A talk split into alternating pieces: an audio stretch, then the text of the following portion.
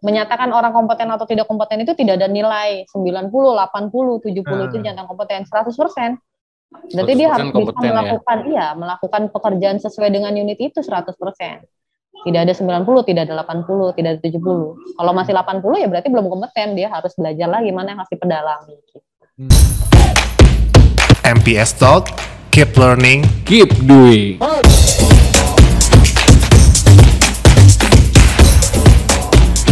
Oke, selamat pagi, selamat siang, selamat sore, selamat malam. Balik lagi di MPS Talk, keep learning, keep doing. Wow. Oke. Okay. Suara saya jelas ya, Andi ya? Aman, aman, aman. Suara gue juga jelas ya. Mantap, suara lu bagus Mantap. banget nih. Bakal iya jadi penyanyi-penyanyi masa depan lu. Gantinya Once. once apa ons doang sekali doang jadi iya maksud gua once gitu bukan once habis itu gak nyanyi nyanyi lagi ya udah ya, selesai ya, bubar pensiun. semua pensiun oke okay. hari ini kita akan bahas mengenai sertifikasi profesi nih Mas Rian nih wow nah profesi ini apa ya bisa dibilang sebenarnya eh, pengetahuan orang-orang, orang-orang umum gitu kan, orang-orang awam soal sertifikasi profesi ini kan bisa dibilang ada yang udah tahu banget, mungkin Betul. juga ada yang masih meraba-raba gitu. Apa sih sertifikasi profesi? Meraba-raba gini loh.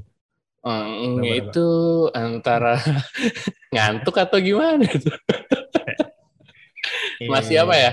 Masih dianggap hmm, biasa lah Ya, dianggap biasa banget lah. Dianggap biasa lah artinya. Dan banyak yang perlu tahu banget gitu. Uh, kayak di beberapa perusahaan juga kan nggak semuanya profesi mereka tersertifikasi gitu kan. Oh, iya, iya. Nah, siap, nah siap, siap. ngomongin sertifikasi juga kan banyak jenisnya tuh, banyak macamnya. Nah, hari ini nih kita mau ngomongin itu langsung dari sumbernya nih Mas Ria. Wow. eh, ini Sumber. podcast pertama, uh, podcast pertama narasumber kita bukan laki-laki. Biasanya kita pria terus nih hari iya, ini. Iya, pria terus. iya benar benar benar. Oh, iya baru kepikiran ya. Oh, iya benar juga kan. iya, iya. Bintang tamunya cowok semua. cowok semua dari kemarin. Akhirnya kita dapat refreshing nih Mas Rian. Oke langsung dipanggil aja mungkin Mas Rian iya. Halo Ibu Bia. Halo Mas Andi. Halo Bu. Halo. Iya, halo Bu. Sehat Bu ya? Aman ya? Aman, aman. Alhamdulillah. Aman, alhamdulillah. Ibu Bia tuh nama panjangnya siapa tuh? Kalau dilihat di Zoom ini kan Robiatul A itu Adawia. A. A ada Wia atau ada aja lah. Robiatul ada. Oh, Oke. Okay. Okay. saya ada salah ya. ada berarti ada gitu. Iya, kan saya ada. Enggak perlu dicariin oh, lagi berarti. Panggilnya Biah ya. Iya. Dari Robiatulnya okay, berarti. Yakin dari Robiatulnya? Nah, enggak tahu. Enggak kelihatan ya. Oh, kan ada Biah, ada Biah kan bisa dari ah, sama belakangnya. Belakangnya. Jauh ya kelemparnya ya. Nah, iya, iya. kan Mas Gema juga namanya Gema Iriandi. Riannya kenapa yang kan diambil Rian ya? Iriandinya ada tuh Iriandi kan Rian. Kenapa nggak lu dipanggil Andi juga sih? Tuh, ah, ada Andinya juga tuh. Dulu gue punya di dulu dulu kan gue uh, SD gitu kan punya banyak cupang gitu ya. Nah, Waduh, dulu trennya tuh cupangnya cupang kita nih, Bu. dulu trennya tuh kita cupangnya tuh kita nama-namain di. Ya, nah, serius? gue gue pecahin tuh namanya yang ini Gema nih Iri nih Yandi nah ada satu lagi Andi nah, mungkin lu nama lu kayak Jadi, nama cupang gue zaman dulu ini spesies cupang maksud lu spesies cupang aduh aduh untung nah, gue nggak ya? ngedok Tapi makanya di antara nama tadi yang dipilih Rian doang yang nggak ada ya di cupangnya ya. Nah Ini makanya dia diambil. Batu bu. dia nggak mau dianggap spesies cupang kayaknya bu. Oke, okay, mungkin bisa bantu uh, dibantu dengan Bu Bia perkenalan aja mungkin ya. Uh, Bu Bia itu siapa? Backgroundnya seperti apa? Sekarang ini yang lagi dikerjakan oleh Bu Bia itu apa? Hobi mungkin juga nggak apa-apa mungkin ya Mas Rian. Iya, hobi. Oke, silakan Bu Bia. Oke, okay, uh, nama saya Robiato ya. Tadi sama tadi bicarakan saya dipanggil BA. Kebetulan sebenarnya saat ini saya bekerja di Kementerian Tenaga Kerja, tapi penempatan okay. saya kebetulan di Sekretariat BNSP. Nah, di Sekretariat oh, BNSP okay. ini sebenarnya uh, kalau dari tupoksi saya di Ketenagakerjaan kami membantu BNSP atau Badan Nasional Sertifikasi Profesi untuk menjalankan tugasnya sesuai dengan PP 10 tahun 2018. Gitu. Oke. Nah, kalau nah, ngomong masalah hobi, hobi saya tidur sebenarnya. itu hobi itu paling ho hobi paling menyenangkan bu. Nggak keluar biaya nggak ya. keluar apa pun cuma butuh merem aja itu. merem aja udah udah gitu merem dapat mimpi lagi kan? Iya. nah itu. Yang diharapkan mimpinya jangan bikin kaget ya bikin yeah, bangun nggak yeah. jadi tidur lagi. Itu hobinya udah gak jalanin lagi ntar kalau gitu. Oh berarti bu Biah ini pegawai negeri bu ya Mantap. Siap, betul. Bagaimana tuh Bu? Bagaimana bisa jadi pegawai negeri tuh Bu? Wah, ceritanya kalau jadi pegawai negeri panjang, ntar kita sampai besok pagi. Eh, di, di, di, di, di, dikecilin ya Bu, dikecilin Bu. eh, awalnya sih keinginan orang tua ya kalau jadi pegawai negeri. Okay. Pas hmm. mencoba masuk, ya alhamdulillah masuk, ya udah diteruskan lah. Sampai akhirnya saya nyemplung di BNSP, di set hmm. BNSP sih eh, lebih tepatnya ya Hmm. Oh berarti langsung langsung ke BNSP-nya bu? Enggak, awalnya saya enggak, di awalnya. Penempatan saya awalnya di Balai Latihan Kerja di Seves Bekasi. Okay. Oh di BLK ya, oke oke. Oh, berarti udah bener-bener ya dari awal udah udah kenal banget namanya pelatihan ya berarti ya? Iya di iya di BLK pelatihan, terus pas di BNSP ya sertifikasi kompetensinya kebetulan. Jadi mungkin agak-agak lurus ya. Iya, iya, iya, iya, nyambung lah. lah. Iya. ini ini nggak pernah keluar sedikit-sedikit lah. Nggak pernah keluar dari kotaknya berarti ini. Terus ya. saya kan di situ. Kalau kotaknya ntar susah lagi. Kan hobi saya tidur. Kalau keluar dari kotaknya harus belajar dulu. Hobi saya ntar nggak kesampaian. Nggak kesampaian. Belajar iya. ya terus. Oke, ngomongin BNSP berarti kan nggak jauh ngomongin sertifikasi. Ngomongin hmm. sertifikasi profesi. Nah, uh, yang dimaksud sertifikasi, sertifikasi profesi itu kayak apa sih Bu? Uh, sebenarnya sertifikasi kompetensi itu seperti apa ya kalau kita bilang pengakuan ya pengakuan, pengakuan terhadap okay, okay. Uh, terhadap uh, kompetensi seseorang biasanya hmm. pada suatu jabatan atau suatu pekerjaan seperti itu. Jadi pada saat dia memiliki sertifikat kompetensi di suatu jabatan atau suatu pekerjaan tertentu ya dianggap yang memang dia berkompeten ataupun dia bisa melakukan uh, kegiatan atau uh, pekerjaan sesuai dengan apa namanya istilahnya uh, yang harus dilakukan lah istilahnya skillnya sudah mumpuni dari attitude-nya sudah memang bagus dan apa namanya istilahnya knowledge-nya sudah ada gitu. Hmm, Oke. Okay. Kalau berarti kalau ngomongin manfaat yang tadi Ibu sampaikan ya, Hmm. Jadi dia dapat pengakuan uh, dan juga mungkin memudahkan dia untuk mencari pekerjaan kali ya Bu? Seharusnya. Seharusnya. Dan iya. dia juga diakuin bahwa dia tuh berkompeten lah ya. Iya, jadi dia dianggap pada saat sudah memiliki sertifikat kompetensi ya, kalau kita hmm. bilang, ya dia memang sudah bisa melakukan pekerjaan tersebut sesuai dengan ya tupoksi yang memang harus dilakukan. Secara umum ya, karena kalau kita lihat di perusahaan kadang kan ada perbedaan-perbedaan sedikit lah istilahnya. Bu Bia, oh. kalau hmm. boleh tahu kira-kira seluruh Indonesia nih hmm. yang udah tersertifikasi kompeten berapa banyak Bu? Jutaan ada Bu lebih? Jutaan mungkin ada ya, karena dari sekarang aja LSP-nya sudah banyak ya lembaga sertifikasi yang bisa mensertifikasi. Kalau dibilang jutaan ya mungkin sudah ada gitu, karena kita sudah ada sekitar uh, kalau kita ngomong LSP 1.900-an ya LSP baik itu pendidikan, ya, maupun yang lain. Dan tugas mereka kan hanya satu, mensertifikasi kompetensi hmm. seperti itu. Bu, sorry, kalau hmm. kalau kita tahu berarti kalau misalnya saya uh, berkompeten ya dan udah dapat sertifikasi, hmm. gelar saya nambah dong ya, Bu? Ada gelarnya uh, atau atau ada ada apa namanya? Title, di belakang. Uh, uh, uh. Bisa dipakai kan tuh, Bu? Sertifikatnya bisa, tapi nggak ada tambahan title ya. Nggak ada tambahan Belum ada. Ntar ini apa rancu sama ijazahnya. iya iya iya. Ntar iya. maunya jadi apa? Gema iya, Iriandi, koma bersertifikasi gitu. Berarti SK ya, sertifikat kompetensi apa gitu ya belakangnya. Iya. Tapi untuk sekarang sih memang belum ada. Kalau belum ada ya. kompetensi okay, okay. terus ditambahkan maksudnya title di belakangnya. Nah, tapi lucu juga kalau misalnya saya dapat sertifikasi mengenai musik ya. Hmm. Rumah Iriandi SKM. Susu kental manis. Sertifikat kompetensi musik ya. Iya. Sertifikat kompetensi musik, terus plesetin susu kental manis. Oke oke oke. Tapi tapi itu sertifikatnya itu uh, kita bisa bawa lah ibaratnya ya. dan beberapa uh, yeah. perusahaan mungkin butuh uh, karyawannya yang bersertifikat itu ya Elia. Iya, uh, untuk kalau kita ngomong perusahaan sudah ada beberapa perusahaan sebenarnya yang mendirikan LSP ya, sehingga hmm. itu menjadi tolak ukur mereka untuk naik jabatan atau untuk naik gaji itu oh, sudah ada. Wow, Cuman memang okay. belum semuanya sih menggunakan itu. Hmm. Berarti enggak semua perusahaan mewajibkan karyawannya entah yang mau naik jabatan ataupun yang mau masuk harus memiliki sertifikasi profesi itu, sertifikasi kompetensinya ya.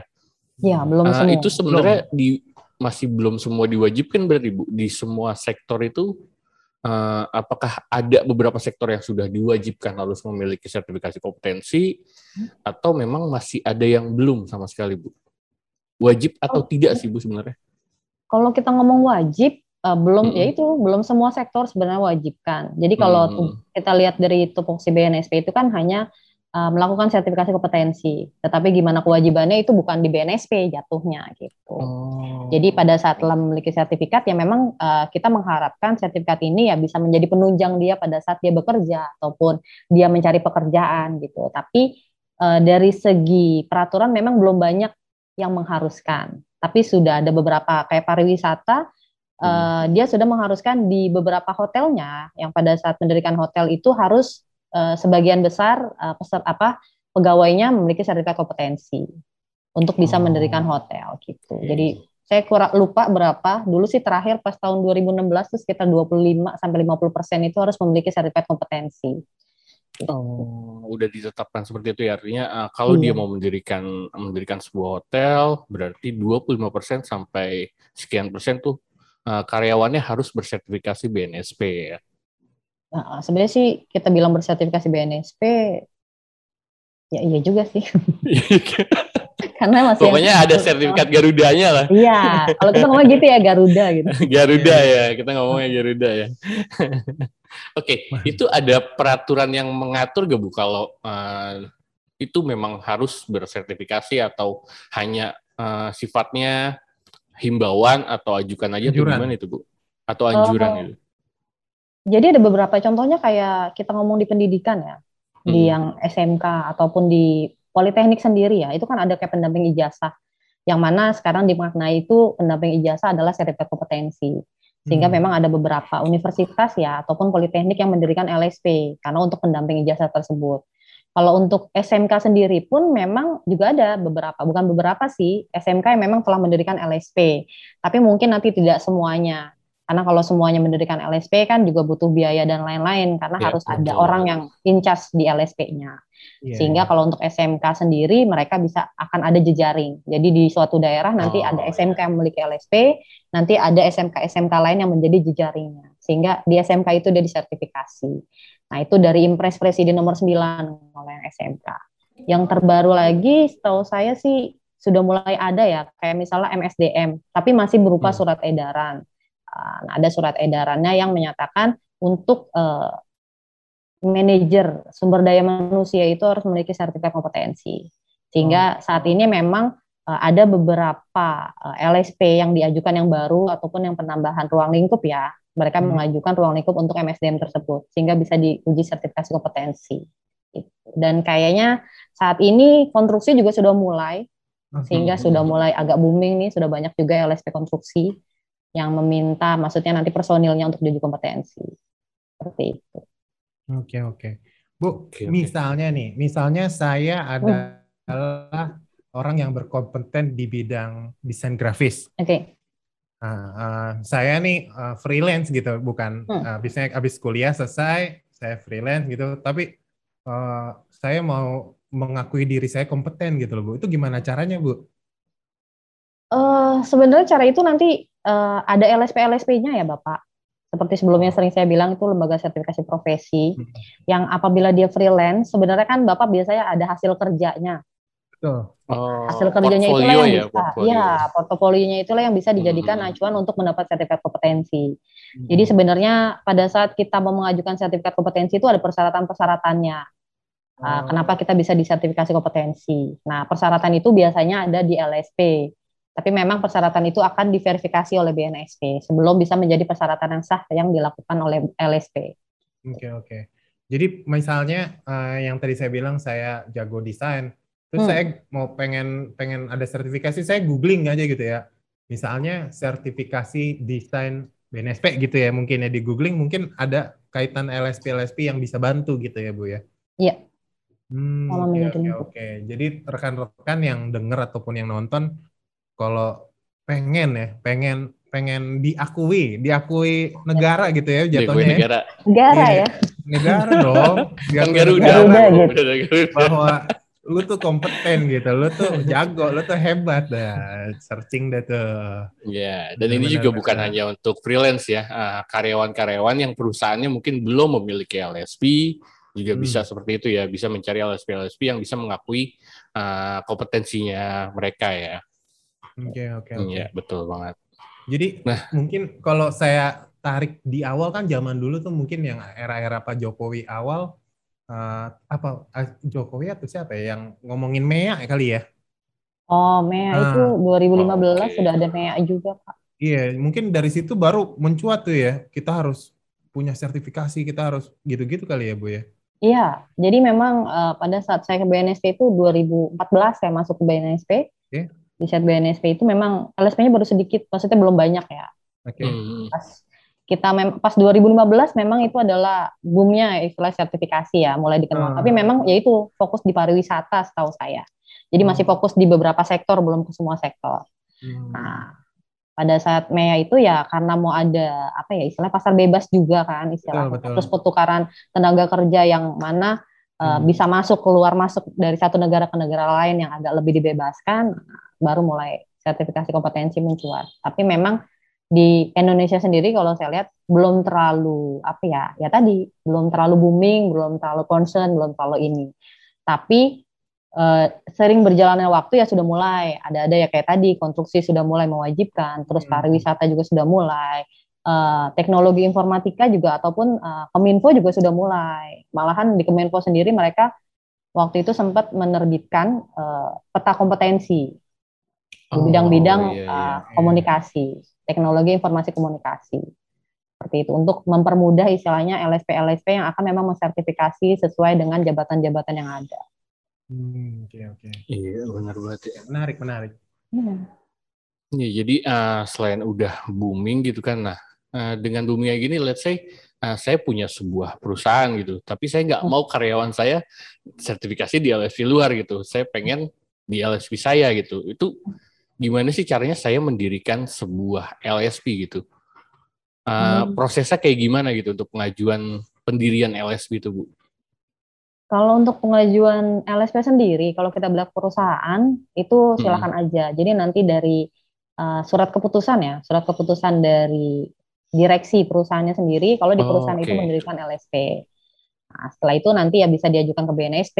Nanti di BNSP memang ada prosesnya karena kebetulan BNSP ini pada saat memberikan lisensi ya kita bilang memberikan lisensi kepada oh, LSP lisensi, ataupun okay, izin. Okay. Nah, jadi memberi, pada saat BNSP memberikan lisensi kepada LSP berarti BNSP sudah memberikan izin pada LSP buat menguji sertifikasi kompetensi atas nama BNSP. Nah itu tadi sertifikat yang di lambang Garudanya itu on behalf BNSP. Seperti iya. itu. Oh. Nah, nanti akan diajukan ke BNSP. Nah di BNSP nanti mungkin ada tahap apresiasi di mana BNSP akan mengapresiat uh, apa maksudnya pendirian LSP terus di hmm. situ akan jadi ajang tanya jawab LSP mungkin yang kurang dipahami seperti apa setelah apresiasi nanti akan ada tahap verifikasi skema yang kalau kita bilang verifikasi skema ini yang adalah BNSP mengecek jualannya LSP hmm. kira-kira apa sih yang mau dijual kenapa itu dijual buat apa buat siapa itu kita bilang skema sertifikasi kompetensi kalau dari pendidikan skema ini hampir mirip dengan kurikulumnya gitu. Oke. Okay. Oh. Nah, setelah itu mungkin ada proses lagi kelengkapan dokumen mutu karena kebetulan BNSP itu mengadop ISO 17024. Nanti ada kelengkapan. Oh, okay. Nah, di kelengkapan tersebut uh, setelah itu nanti akan ada proses full assessment di mana BNSP akan mengecek uh, LSP apakah sudah comply dokumennya terhadap pedoman BNSP.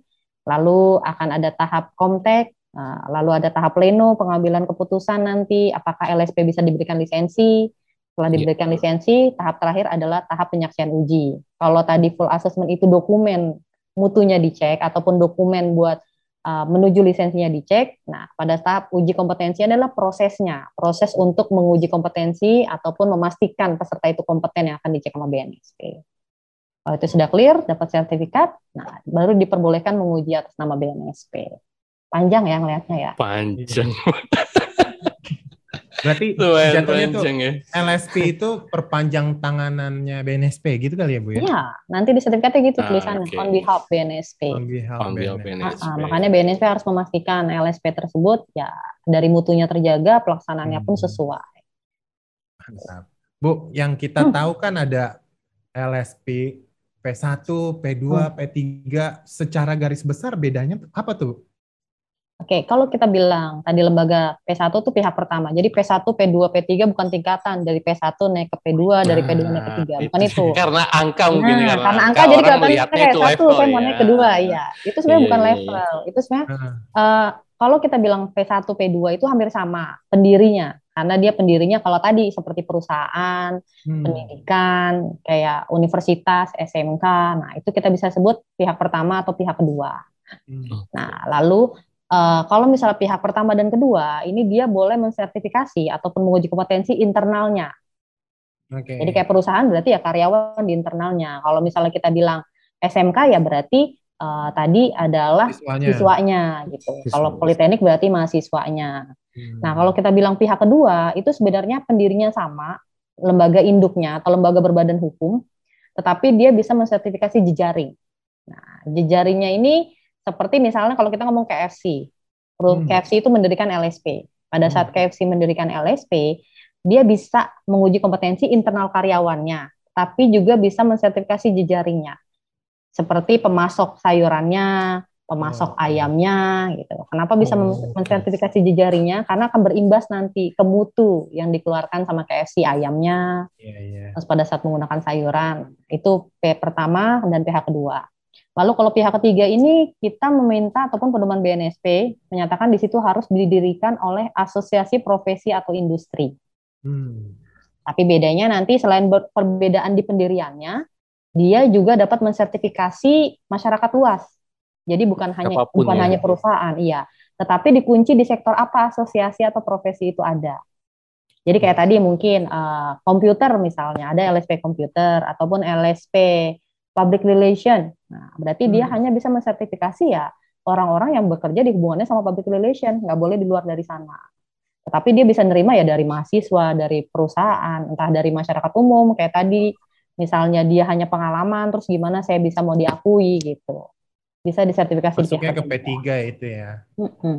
Ya, ya, ya. Seperti itu. Bu, saya uh, saya ngajar kan, saya ngajar di mm. kampus dan kemarin ada mahasiswa bimbingan tuh hmm. ngobrol-ngobrol-ngobrol iya pak saya tuh udah uh, ngomongin desain ya dia orang desain oh. hmm. saya tuh udah ini pak udah dicap negara saya katanya wih keren banget di sebelah mana tuh mas Rian dicap negara ini ininya dia dia udah kompeten dia bilang terus aku bilang okay, okay. perasaan kampus kita tuh belum diriin LSP gue hmm. aku bilang gitu kan lu dapat dari mana aku gituin ternyata ada program pemerintah katanya. Hmm. Waktu itu ada program pemerintah terus uh, ngasih tahu ke kampus-kampus hmm? dan saya terpilih dari kampus kata dia gitu. Hmm. Nah, nah yang mau saya mau tahu kalau dari pemerintah itu dia LSP ke LSP dulu atau emang langsung dari pemerintah ngasih gitu nggak pakai pakai LSP bu? Uh, biasa dari BNSP ya kali ya atau gimana? Uh, jadi Uh, sebenarnya kalau dana pemerintah ini nggak hanya dari BNSP, BNSP hmm. memang juga punya dana ya untuk hmm. misalnya menstimulus lah istilahnya, yeah. mensertifikasi. Oh, okay. Jadi kalau kita bilang itu sebenarnya dana bantuan nah, buat LSP ah. LSP yang baru berdiri. Nah, terus setelah itu di di apa seperti tadi saya bilang di kayak di Keminfo, di Kemenpar itu pun mereka ada ban, ada dana bantuan buat sertifikasi kompetensi. Nah, mereka oh. menyerahkannya nggak ke person tapi ke LSP nanti. Nah, di sana prosesnya ya LSP pasti ada persyaratan-persyaratannya sehingga disetujui untuk diberikan dana bantuan. Oh gitu. Hmm. Jadi ini ini mahasiswaku berarti dari LSP mana hmm. tapi ngomongnya bantuan dari pemerintah gitu ya. Hmm. Oh, I see, I see. Jadi dana bantuan itu pun bukan dari BNSP aja ya, Det, yang tadi Ibu sampaikan dari uh, Kominfo segala macam ada juga ya. Ada dari Pak. kementerian dari berarti dari kementerian iya. ya. Uh -uh. Uh, tapi tetap ibaratnya nih misalnya gue orang uh, Kominfo nih, hmm. wah gue mau mau bilang mau ngasih dana bantuan sertifikasi ini, gue ngomong ke Kemnaker dulu atau langsung bu? Langsung mereka. Oh langsung ke LSP-nya ya? gitu? Iya, kan mereka punya persyaratan. Jadi nanti uh, biasanya kita tuh udah ada link, ada beberapa yang kita link gitu. Jadi sama Kominfo sendiri gitu. Mereka juga kadang menanyakan. Jadi Kominfo itu biasanya lebih menanyakan kepada BNSP, apa ini mas mendapatkan lisensi dari BNSP, terus prosesnya gimana, apa sudah misalnya sudah mati itu sudah perpanjangan gitu. Jadi hmm. koordinasinya bukan masalah tentang mereka pada saat mengeluarkan apa namanya uh, bantuan ya. Dana bantuan. Uh. Uh, tetapi lebih kepada pada saat dia mau sertifikasi kan harus LSP yang sertifikasi. Nah, hmm. LSP ini sudah dapat izin belum dari BNSP? Itu yang akan mereka cek. Uh, di cross check di situ ya. Iya. Bu, sorry Bu, nih hmm. saya saya nanya dasar banget nih Bu. Iya. Kalau di struktur pemerintah BNSP bagian mana sih Bu? BNSP sebenarnya kan itu Pak, lembaga non struktural jadi BNSP itu nggak nempel di kementerian mana pun, cuman memang dia kan badan, jadi badan yang berdiri sendiri independen. Tetapi oh. kebetulan memang pendanaan buat operasional BNSP, hmm. nah itu ada di bawah Kementerian Ketenagakerjaan. Jadi BNSP sendiri langsung di bawah ya. presiden, ha, tapi pendanaan oh. buat operasional BNSP itu ada di bawah Kementerian Ketenagakerjaan. Oke oke, tapi tetap itu. bawah sebenarnya kalau di di Runu tuh itu ibaratnya bawahnya presiden lah. Iya. Langsung, Jadi, presiden uh, langsung hanya pendanaannya saja ya bu ya dari Kemenker iya. untuk operasionalnya. Mm -mm operasional okay. dan lain-lain. Jadi yang di bawahnya kementerian itu sekretariat BNSP-nya, bukan BNSP-nya sendiri. Oh, oh, bukan badannya, tapi sekretariatnya. Oh, jadi di di setiap apa namanya di setiap kementerian ada sekretariatnya berarti ya untuk ke BNSP-nya. Kayak gitu bukan betul gimana? Enggak, kebetulan memang ini di di Kemenaker aja sih, Pak. Oh, di Kemenakernya aja. Oh, di Kemenakernya aja. Oh Oke, oke, oke. Nah, Bu, kalau ngelihat tadi ceritanya Mas Rian, uh, hmm. mahasiswanya bisa langsung ke LSP gitu kan untuk minta hmm. disertifikasi, untuk minta diuji kompetensinya gitu kan. Nah, ngelihat perkembangan sekarang gitu, uh, kira-kira permintaan untuk mendirikan LSP dari yang dulu sampai sekarang itu naiknya cukup signifikan gak, cukup cukup signifikan gak sih Bu? Artinya permintaannya jadi belibet kan tuh ngomongnya Nah, ini giliran narasumbernya ibu-ibu Cewek ya. Gak grogi nih saya. Uh, tadi saya dengar oh, saya cowok semua. Apa saya harus pakai kumis dulu nih? Eh, jangan, Bu. Biar ini. Jangan, Bu. Jangan, Bu. Jangan, Bu. Jangan. uh, kalau kita lihat perkembangannya ya tadi, karena dari tahun 2014 ya, saya masuk BNSP itu memang sudah cukup signifikan. Yang mana pada saat saya masuk itu seratusan belum ada, Pak. Oh, di bawah seratus? Di ya, 2014-an berarti ya? Hmm, itu maksudnya belum okay, ada seratusan, terus ya itu tadi ada MEA akhirnya melonjak, cuman memang di beberapa sektor. Nah, kita kan juga sebenarnya BNSP itu ada kegiatan harmonisasi. Jadi kita mengharmonisasi sebenarnya gimana sertifikasi kompetensi, apa sih manfaat sertifikasi kompetensi gitu. Nah, dari harmonisasi-harmonisasi ini ya mulai berkembang sehingga ada beberapa kementerian yang memang yaitu sudah mewajibkan ataupun mengharuskan di beberapa pekerjaan harus memiliki sertifikat kompetensi di migas pun sekarang ya sudah apa sudah ada beberapa pekerjaan yang harus memiliki sertifikat kompetensi karena kan itu agak apa ya dangerousnya agak tinggi ya gitu. Yeah. Nah kalau di konstruksi ya baru sekarang-sekarang ini di kesehatan juga udah ada beberapa. Gitu. Bu, kalau ngomongin Indonesia kan luas bu. Hmm. Yang paling belum kejamah bagian mana bu? Kalau dibilang belum kejamah, hampir rata-rata sudah ada ya LSP-nya. Kalau kita ngomong pulau-pulau besar ya, ya tapi ya, memang ya. tersebarnya belum rata gitu. Pasti paling banyak ya oh. ya kalau nggak di Jawa, di Sumatera, Sumatera gitu. Yang paling sedikit mungkin di Papua itu belum terlalu banyak. Jadi memang uh, hampir di semua pulau besar tuh sudah ada LSP-nya. Tetapi memang kerataannya belum gitu. Hmm. Karena kan kalau dari posisi BNSP sendiri itu tidak bukan tidak mewajibkan ya, jadi tidak mengharuskan gitu. Ini harus ada sertifikat kompetensi, harus mendirikan LSP tidak. Karena tadi saya bilang itu kewajibannya adalah ya bukan BNSP yang bisa mengeluarkan istilahnya peraturan itu. Gitu. Hmm. Oh, Bu, dan masih banyak sektor yang belum kejamah nggak sih Bu?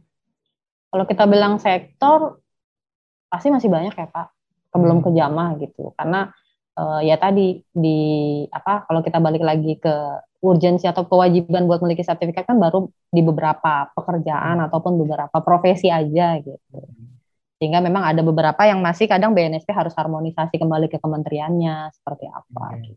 Karena kita memang kadang masih tumpang tindih Pak terhadap sertifikasi internasional ataupun yang memang dilakukan oleh internal kementerian itu masih masih ada beberapa yang ah ini kita pakai yang internasional aja yeah, gitu. Yeah. Dan BNSP tidak bisa memaksakan, kita hanya mengharmonisasi. Iya. Yeah. Bu, okay. kalau ngomongin berat gitu, kalau ngomongin berat mungkin uh, misalnya uh, ada ada LSP dari sektor ini terlalu banyak, ada sektor ini itu BNSP milah-milah juga nggak sih Bu? Untuk saat sini enggak, makanya tadi saya bilang uh, eh, BNSP itu tidak boleh apa ya, kita nggak boleh mengkat gitu. Misalnya di pariwisata misalnya sudah banyak gitu, terus nggak boleh hmm. lagi nggak boleh. Jadi BNSP itu nggak boleh sama sekali. Iya nggak okay. boleh karena kalau kita kan pelayanan sebenarnya BNSP itu kan sistemnya. Yeah. Dan tidak boleh, uh, tidak ada peraturan yang mengharuskan, oh sektor ini sudah cukup gitu. BNSP tidak boleh bicara seperti itu.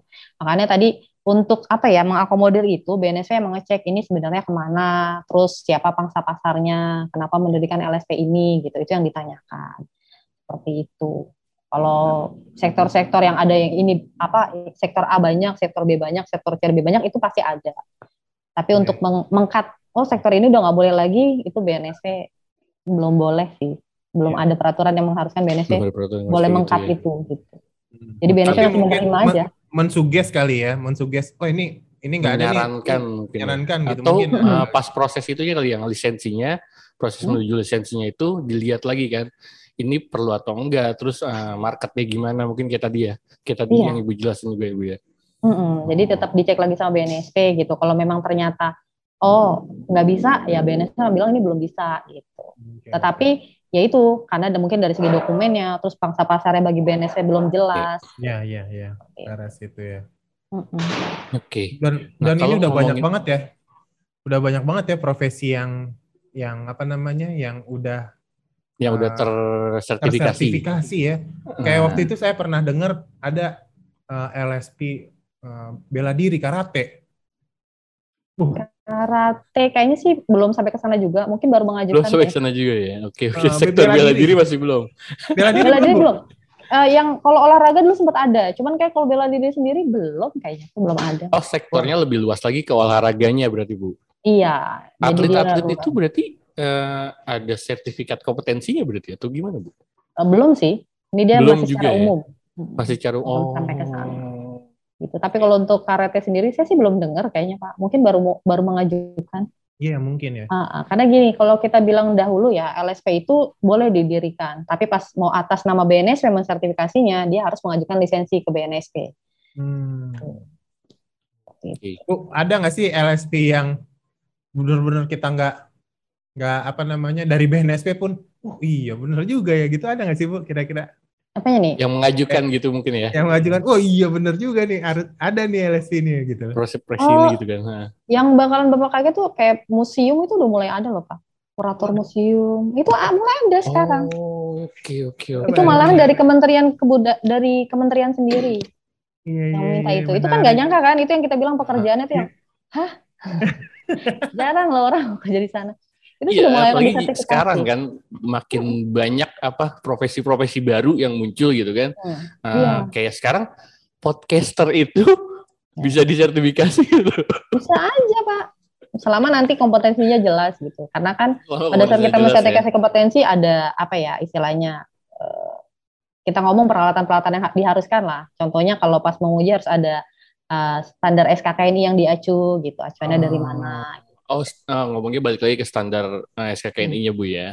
Iya, okay. kalau belum ada kan nanti akan dicarikan maksudnya bisa pakai standar internasional atau standar khusus, tapi butuh proses. Seperti okay. itu.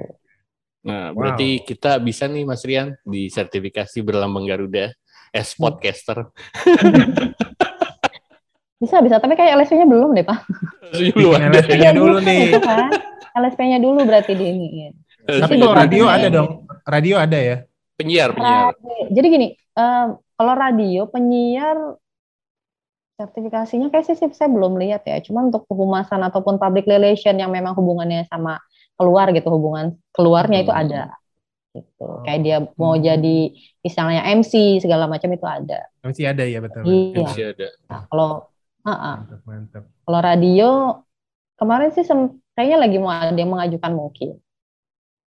Cuman kalau radio itu kan sebenarnya bukan sektor kan, itu adalah makna kayak frekuensi atau apa gitu radio. Iya, iya. Entertainment itu termasuk sektor gak sih Bu ya? Cek entertainment kayaknya enggak deh Pak, itu hanya makna enggak, ya? buat ya? entertain. Iya. Nah, makanya itu juga makna sektor, iya, kayak itu YouTuber masih agak kan, rancus uh, Iya iya udah iya, iya. banyak orang yang nyebut profesi mereka apa youtuber, konten kreator gitu kan. Hmm. Nah itu kan bergeraknya di dunia entertainment gitu kan. Apakah itu apa perlu sektor. disertifikasi juga apakah itu termasuk sektor apa bukan gitu kan iya iya entertainment ya, ya. tapi kayak saya baru dengar kalau ini cuman kalau misalnya kayak artis musik udah ada pak LSP musik musik udah ada LSP ya, musik oh, dulu iya, iya. dirinya tuh malah orang yang dulu berkecimpung memang di dunia musik hmm. Hmm, saya dan di dalamnya beberapa, beberapa teman saya di di Facebook udah ini udah mamerin gitu Iya. Mampang sertifikatnya ya. Iya, iya, iya.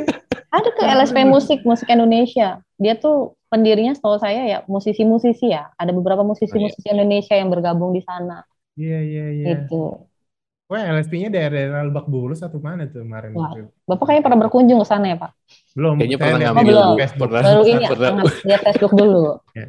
Saya kan sekarang nih ngomongin sertifikasi, ada yang ngomongin sertifikasi langsung jeli mata. Nah, langsung like. Apa itu? Apa itu? oh iya iya. Tapi sekarang udah lumayan melek lah orang-orang ya. Jadi mm. uh, teman-teman atau ibaratnya teman-teman saya di Facebook kan beragam macam ya bu. Mm. Uh, dan beberapa teman-teman udah udah udah bersertifikat dan mm. saya rasa itu kan bagus ya.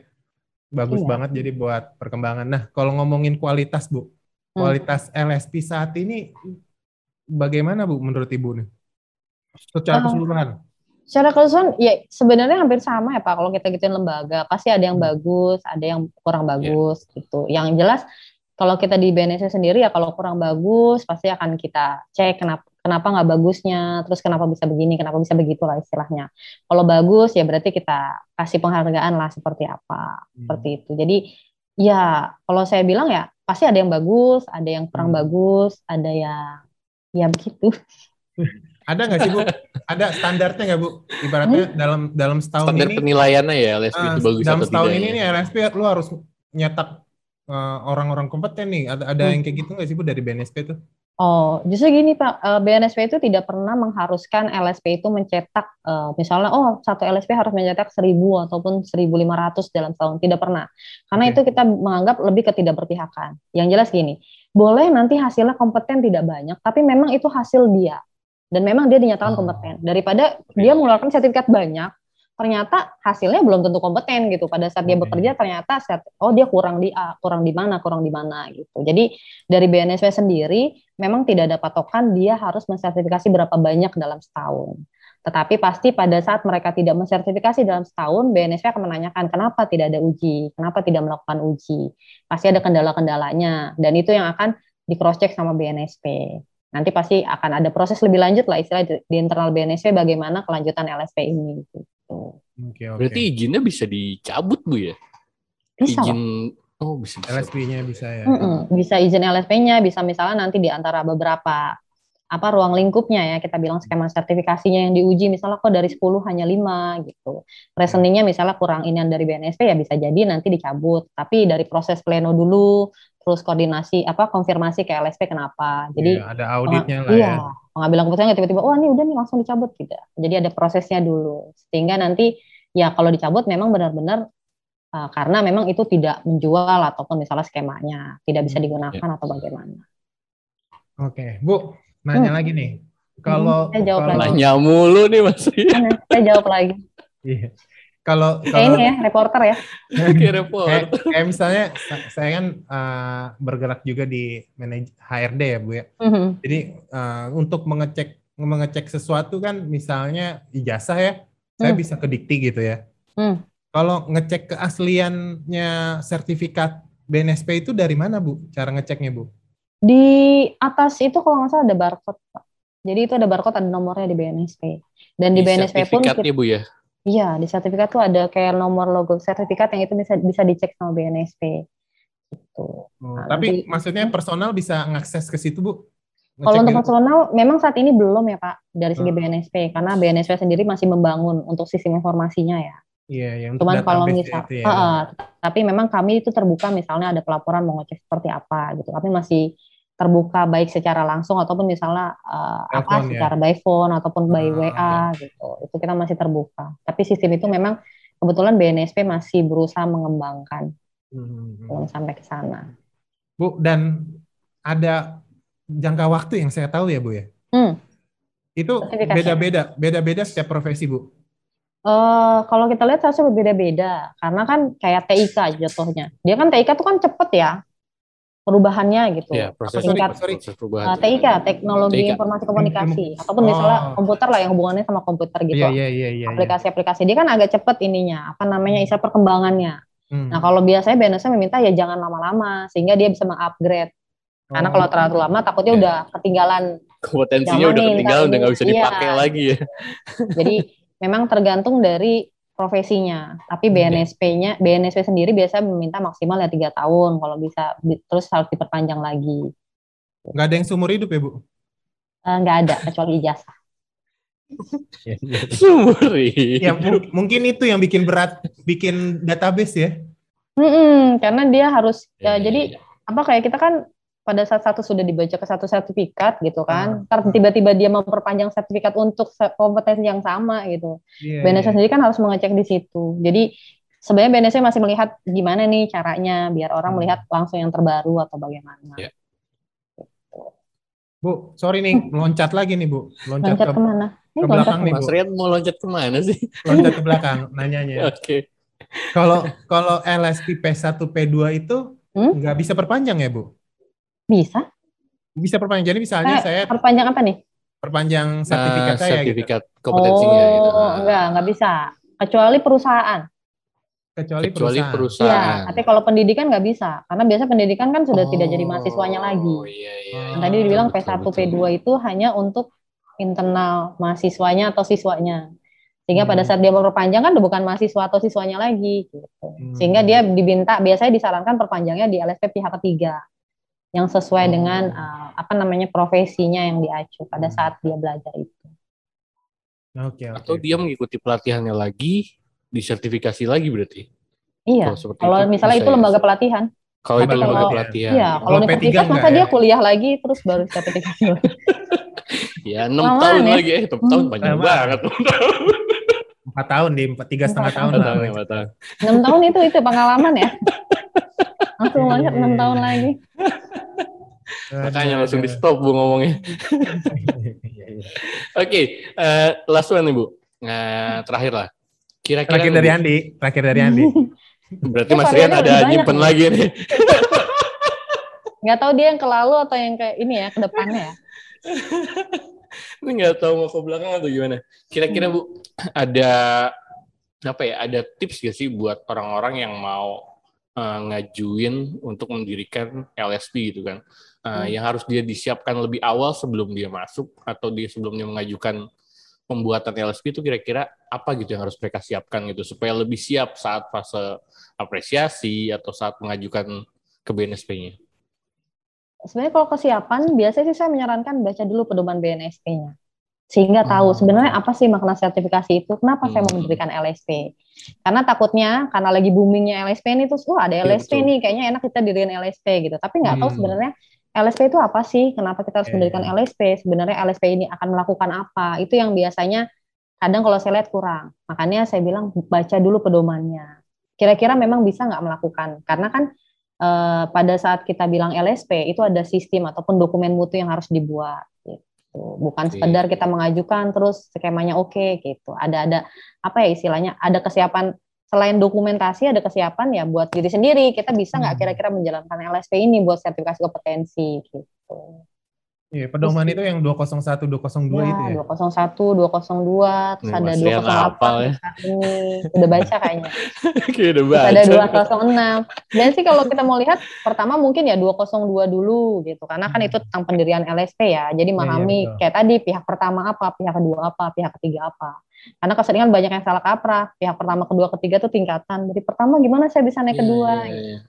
Terus sering ada pertanyaan pas datang ke BNSP, ini kan saya mendirikan LSP, gimana caranya biar dari pihak pertama ke pihak kedua? Saya bilang belum baca pedoman ini. Main datang-datang aja, belum baca pedoman baca, dulu. Iya, karena nanti biar pada saat ke BNSP pun memang sudah ada gambaran gitu. Jadi kalau yeah. mau diskusi pun lebih enak kan gitu. Nggak secara gamblang, memang sudah ada tujuan arah yang jelas gitu. Karena kan nanti hmm. juga ada range karena cara strategis yang harus dibuat oleh LSP saran saya itu sih kalau mau cepat pahami dulu sebenarnya sertifikasi dulu, itu ya. apa LSP itu apa gitu kira-kira kegiatan apa yang harus dilakukan sama LSP gitu banyak okay. baca pedoman berarti bu ya Mm-mm, karena jawabannya banyak kan di sana pak eh pedoman itu bisa didapat di websitenya BNSP atau Gimana Bu? Bisa Pak, bisa, bisa di download di website BNSP. Oh, di download di website, di website BNSP ya. Oh, okay, BNSP okay, ada. Nanti ada klik download terus ada klik pedoman BNSP di sana ada. Nanti langsung ada nomornya, ada judulnya juga. Hmm. Itu, Mbak. Tentang dokumen pun ada di sana. Jadi untuk dokumen lisensi misalnya apa saja yang harus dicantumkan. Hmm. Seperti itu. Apa aja yang harus dilampirkan kan. Mantap. Nah, silakan Mas Rian nih yang mau nanya Jadi mau mundur atau mau maju yang sekarang masalah? Ya. Sekarang berandai-andai Bu. Oh berandai-andai. Oh, sekarang sekarang maju berarti Bu berandai-andai. Berandainya jangan kelamaan ya kan tadi sudah bilang hobi saya tidur. iya iya. maaf maaf maaf. Jadi kalau ngomongin uh, ijazah pendamping nih Bu. Hmm.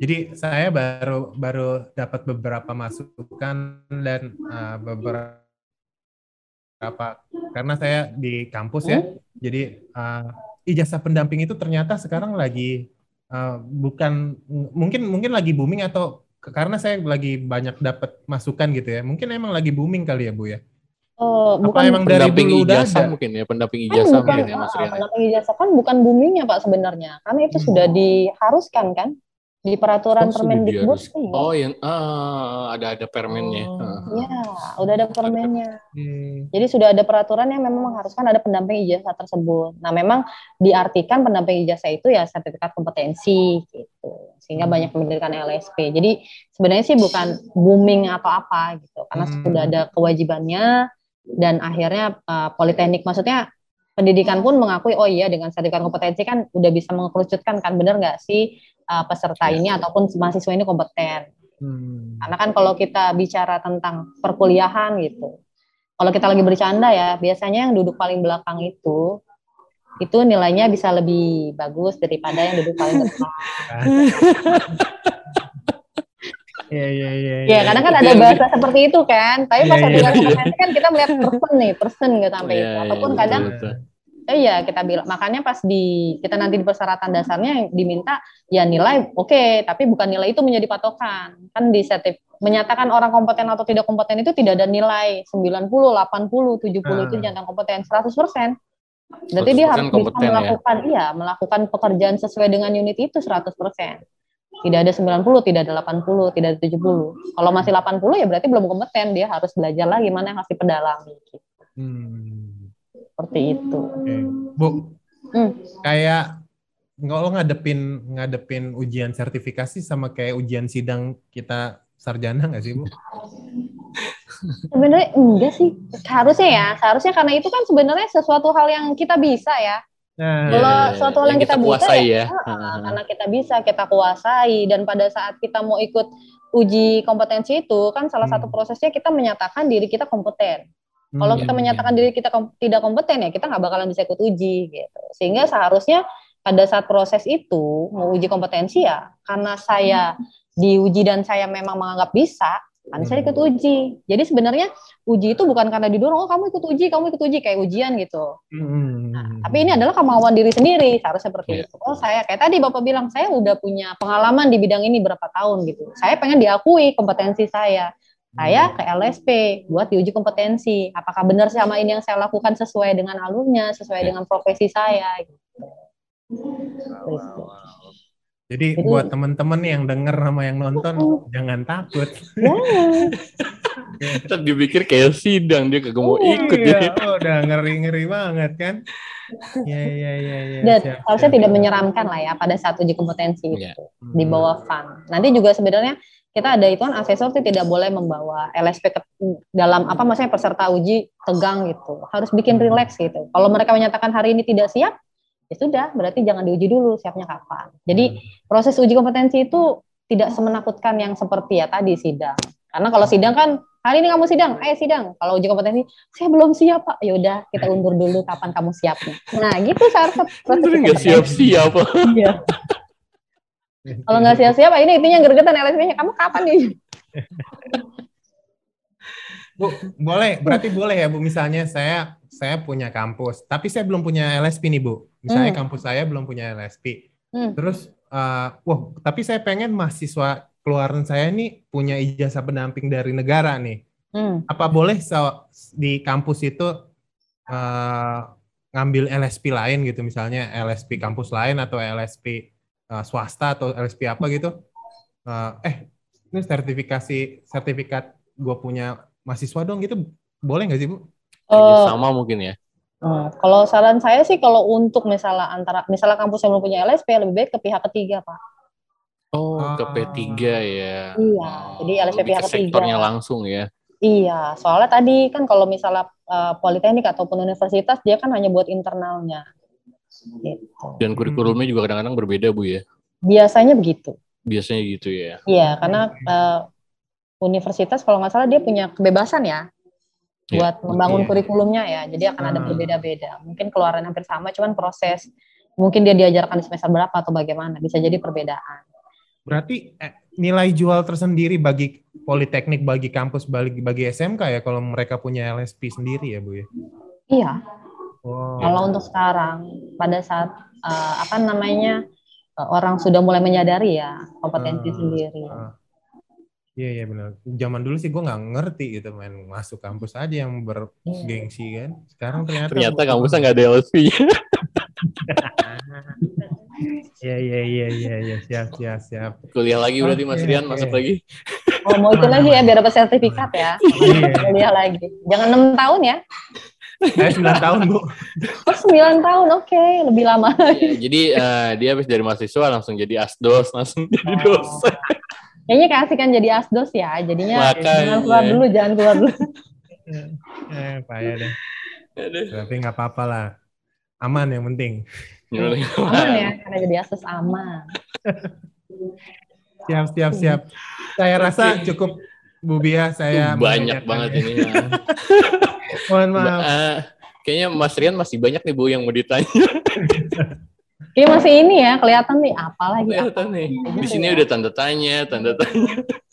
karena karena apa ya? Karena uh, waktu zaman gua kuliah, waktu kemarin-kemarin kerja gitu, belum hmm? kegambar.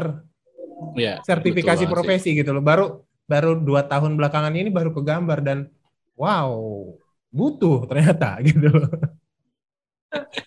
ya ya ya ya. Jadi okay. jadi saya juga lagi mau merencanakan kampusnya saya bikin LSP, Bu. Oh, ya. Silakan, silakan. Terbuka nanti. Harus nih, harus pokoknya. Siap, siap, siap. Kalau kampus biasanya agak lebih ini, karena sudah ada kan, sudah ada targetnya kan mahasiswanya sendiri. Yeah. Kalau dibangun ininya, sisi mutu buat LSP-nya. Hmm. Lebih malah lebih lebih mudah kalau saya lihat dari LSP pihak ketiga, karena banyak persyaratan-persyaratannya. Jadi saya dukung. Ya, ya. Ini kita lihat ya pagema pagemanya kapan ya ke sini.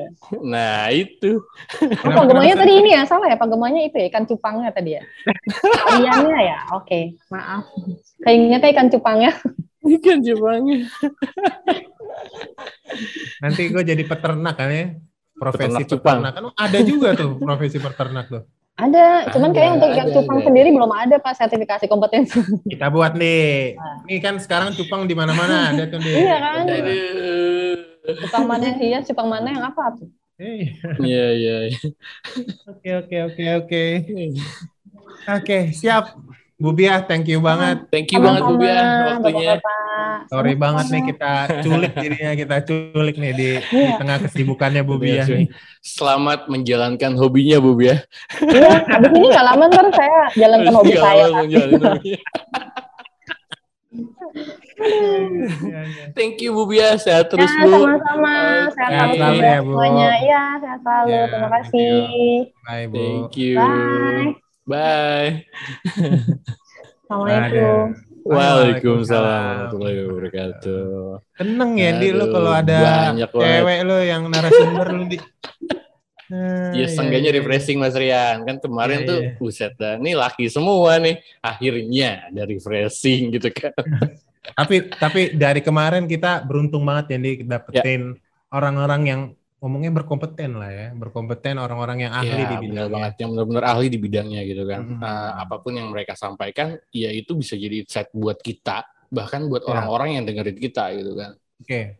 jadi intinya dari uh, apa namanya uh, episode ini kalau untuk perusahaan cobalah bikin LSP lah yeah. ya iya. kan untuk personal coba gali ke kompetensi lu apa cari di Google ada nggak tuh LSP-nya LSP yang, ya LSP nah, yang bisa mensertifikasi uh, kemampuan lu ataupun ya kompetensi lu yang lagi lu pegang gitu kan manfaatnya banyak tuh di dia keterima iya. pekerjaan lu diakui negara, lu bisa Betul posting banget. di Facebook tuh kan.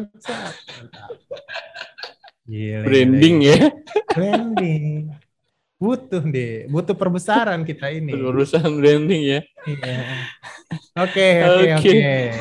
Jadi rekan-rekan uh, bisa mengunjungi uh, sosial media MPS ya. Jadi yeah. rekan-rekan bisa mengetahui update-update apa yang uh, mungkin terkait LSP, mungkin terkait yeah. Uh, kompetensi karena di MPS pun uh, ada beberapa kompetensi yang yang kita adakan ya dia. Ya? ya dan kita juga uh, ngebantu teman-teman yang mau mendirikan LSP. Kita kita juga membantu uh, teman-teman yang mau mendirikan siap, LSP. Siap, siap membantu gitu ya. siap membantu untuk konsultasinya, untuk prosesnya kayak gimana. Kita siap membantu teman-teman yang mau mendirikan LSP. Siap. Oke, okay, okay. pokoknya lihat link di bawah uh, ada sosial medianya sosial media MPS segala macam. Siap. Oke. Okay. Thank you Mas Andi. Sampai Siap. ketemu minggu depan. Teman-teman sendiri. eh, tunggu mau ngomong. Pokoknya kita kasih pesan sama teman. Belum. belum. Gua gua gitu ti, begini-begini. Hmm, Jadi buat teman-teman yang dengar, yang yang nonton, selalu jaga kesehatan, selalu Sip. tetap tetap protapnya di protapnya dijalanin. Ah.